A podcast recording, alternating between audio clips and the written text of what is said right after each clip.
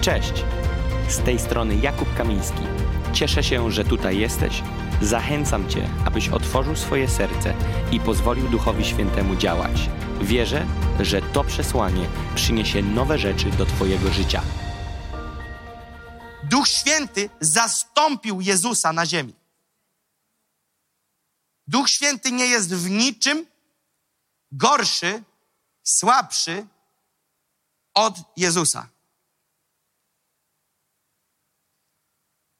Jezus miał wkrótce wstąpić z powrotem do nieba, a w jego miejsce dla naszego dobra, tak to powiedział Jezus, zamierzał zesłać Ducha Świętego, aby był z nami na zawsze. A więc Jezus jako Bóg, ponieważ Jezus był też jako człowiek chodząc po ziemi, ale Jezus jako Bóg powraca do nieba, z kolei Duch Święty jako Bóg przybywa z nieba na ziemię, aby być z nami. Łapiemy tą zależność?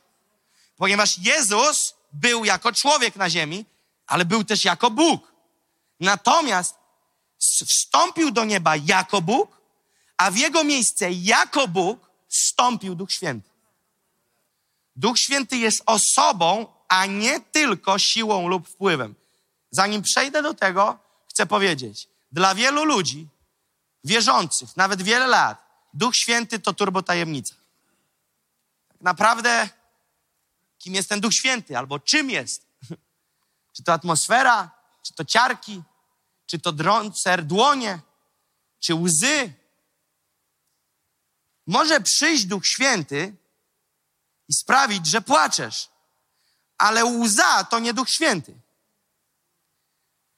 Duch Święty nie jest tylko atmosferą. Duch Święty sprawia, że atmosfera się przemienia, ale Duch Święty nie jest atmosferą. To, że mamy niezwykłą atmosferę, jest dlatego, że przychodzi Duch Święty, ale Duch Święty nie jest jakąś mgłą. Może być tak gęsto od Ducha Świętego, że widzimy mgłę, że aż jest ciężko w atmosferze. Ale to nie jest dlatego, że Duch Święty jest mgłą o poranku. Duch Święty jest osobą. On mieszka w wierzących. Ok? Duch Święty mieszka w wierzących. Zaraz odniesiemy się, co to znaczy. Boży Duch mieszka w nas. Mówi to nam o życiu i o osobowości. Pierwszy list świętego Pawła do Koryntian, 1 Koryntian 3,16 mówi nam tak. Czyż nie wiecie, że jesteście świątynią Bożą i że Duch Boży w was mieszka? To nie jest werset dla pastorów. To jest werset do nowonarodzonych. Jeżeli jesteś nowonarodzony, to mieszka w tobie Duch Święty i ty jesteś świątynią Ducha Świętego. Dlaczego to jest ważne? Bo będzie to wpływać na sposób, w jaki żyjemy. Duch Święty ma wolę. On ma swoją wolę. Dokonuje wyborów. Duch Święty określa kierunki działania. A więc on ma wolę, dokonuje wyborów i określa kierunki działania. Uwaga teraz. Są to cechy charakterystyczne dla człowieka. W tym wersecie, który teraz przeczytamy, zobaczymy, że Duch Święty decyduje, które dary duchowe dać poszczególnym ludziom. A więc pierwszy list świętego Pawła do Koryntian, pierwszy Koryntian 12, 11 mówi do nas tak. A to wszystko, czyli dary, osiągnięcia i umiejętności, o to chodziło tutaj z Greki, a to wszystko sprawia jeden i ten sam Duch Święty, udzielając każdemu z osobna dokładnie tak, jak chce. To Duch Święty robi. Dlatego, jeżeli przychodzisz do mnie albo do innego pastora i mówisz, pomóc się o dary, to masz taki sam dostęp do fabryki jak ja. Ja mogę pomodlić się o to, żeby Duch Święty Cię dotknął, Ponieważ jeżeli ja coś mam, pod warunkiem, że coś mam i Boża obecność spoczywa na mnie, to sens jest, abym włożył na ciebie ręce. Ale ty masz dostęp do Ducha Świętego taki sam jak ja. To Duch Święty decyduje, komu daje dary.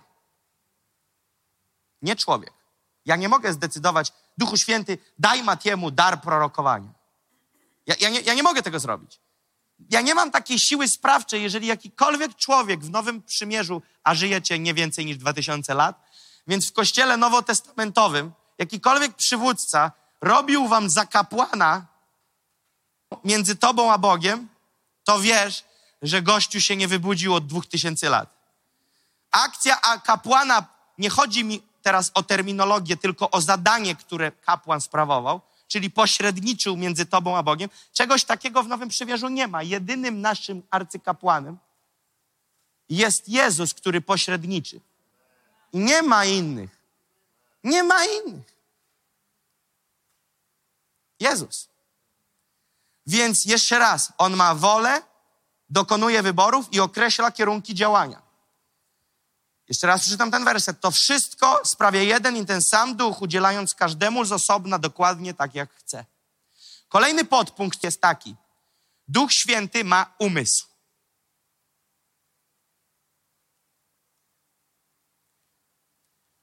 Zdolność intelektualna jest cechą, która wyraźnie mówi o osobowości.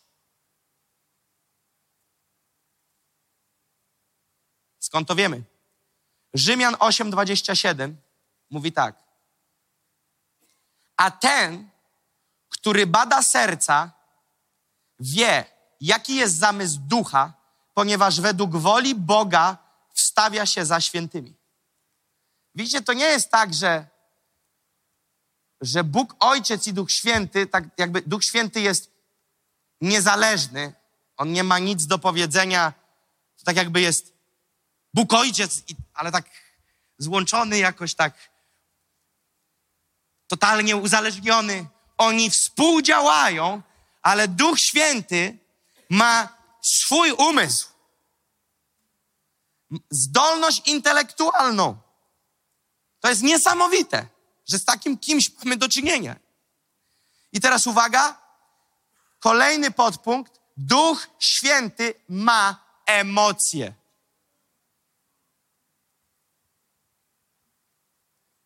Duch Święty ma emocje. Duch Święty może być zasmucany.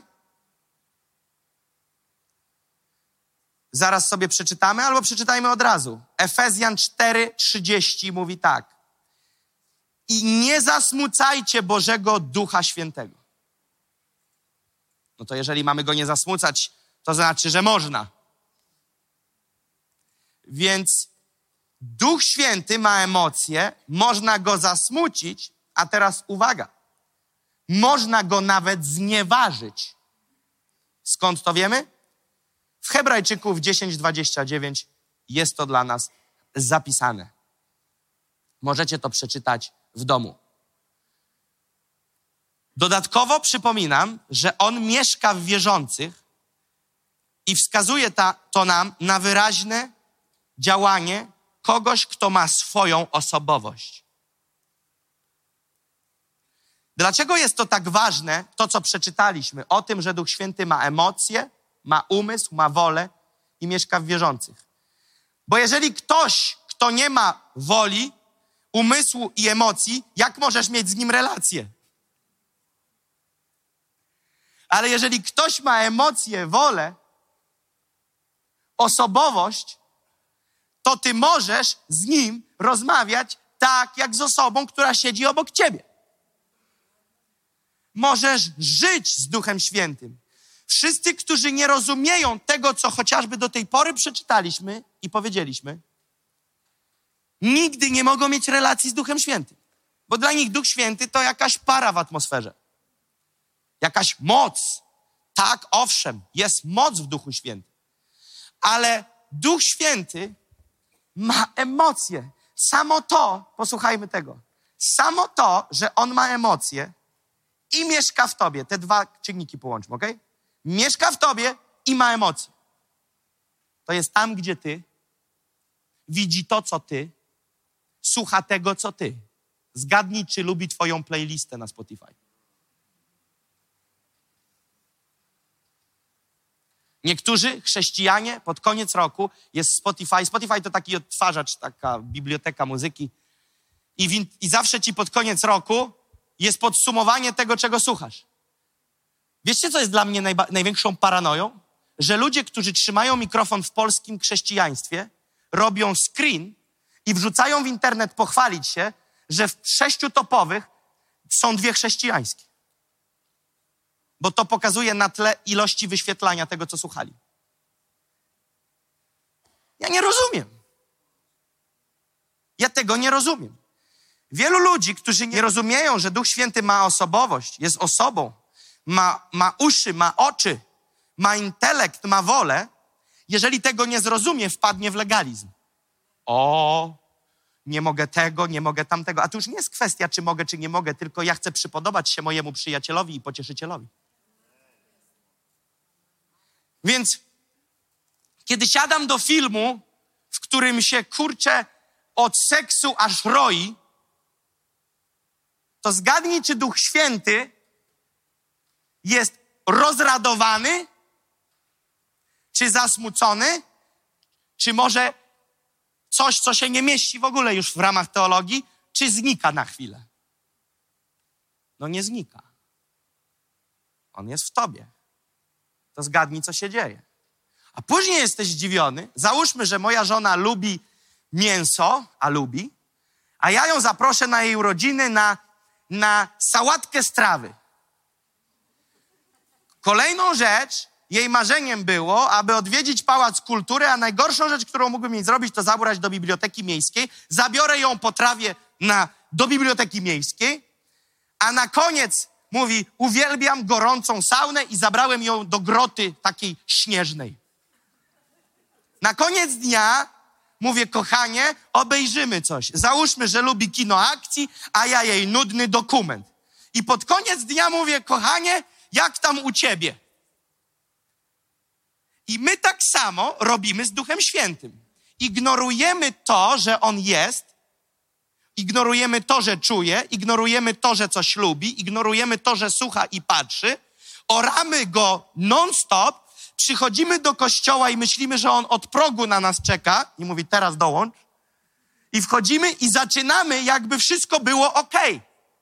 I jesteśmy zdziwieni, że coś w naszej relacji nie działa. Czy powoli nam się ten obraz krystalizuje i komuś to pomogło, co teraz powiedziałem? Widzicie, co się dzieje? Widzicie, co się dzieje? Widzicie, co się dzieje? Jesteś zdziwiony, że jakoś relacja się nie układa, ale łatwiej jest zrozumieć na przykładzie tych czterech rzeczy, które odniosłem do mojej żony. Dlaczego? No jak to dlaczego? Żona ci powie, co ty głupi jesteś? Nie wiesz, czemu jestem w takim niesosie? Cały dzień nie tyle, co nie zrobiłeś tego, co chciałam, tylko jeszcze wszystko na przekór. I każdy z nas by zrozumiał, gdyby taki facet jak ja przyszedł i powiedział, wiesz co, ja nie rozumiem, co z tą moją żoną, ona taka na mnie jakoś bokiem patrzy. A ty powiesz, no chłopie, no przecież cztery na cztery zawaliłeś. Przecież były jej urodziny. Ale dlatego, że Duch Święty w postrzeganiu wielu z nas jest jakąś atmosferą, nie rozumiemy, że jesteśmy świątynią ducha, żyjemy sobie jakby go nie było, myślimy, że on oko przymyka i później wchodzimy. Czy to znaczy, że masz nie wchodzić i już do niego się nie odzywać? Nie, nie idź w tą stronę. Właśnie masz się odzywać, masz z nim działać, ale teraz mam udać, my faceci byśmy tak chcieli, że po takim dniu z moją żoną, cztery na cztery awaria, dobra kochanie, zapomnijmy, jedźmy dalej.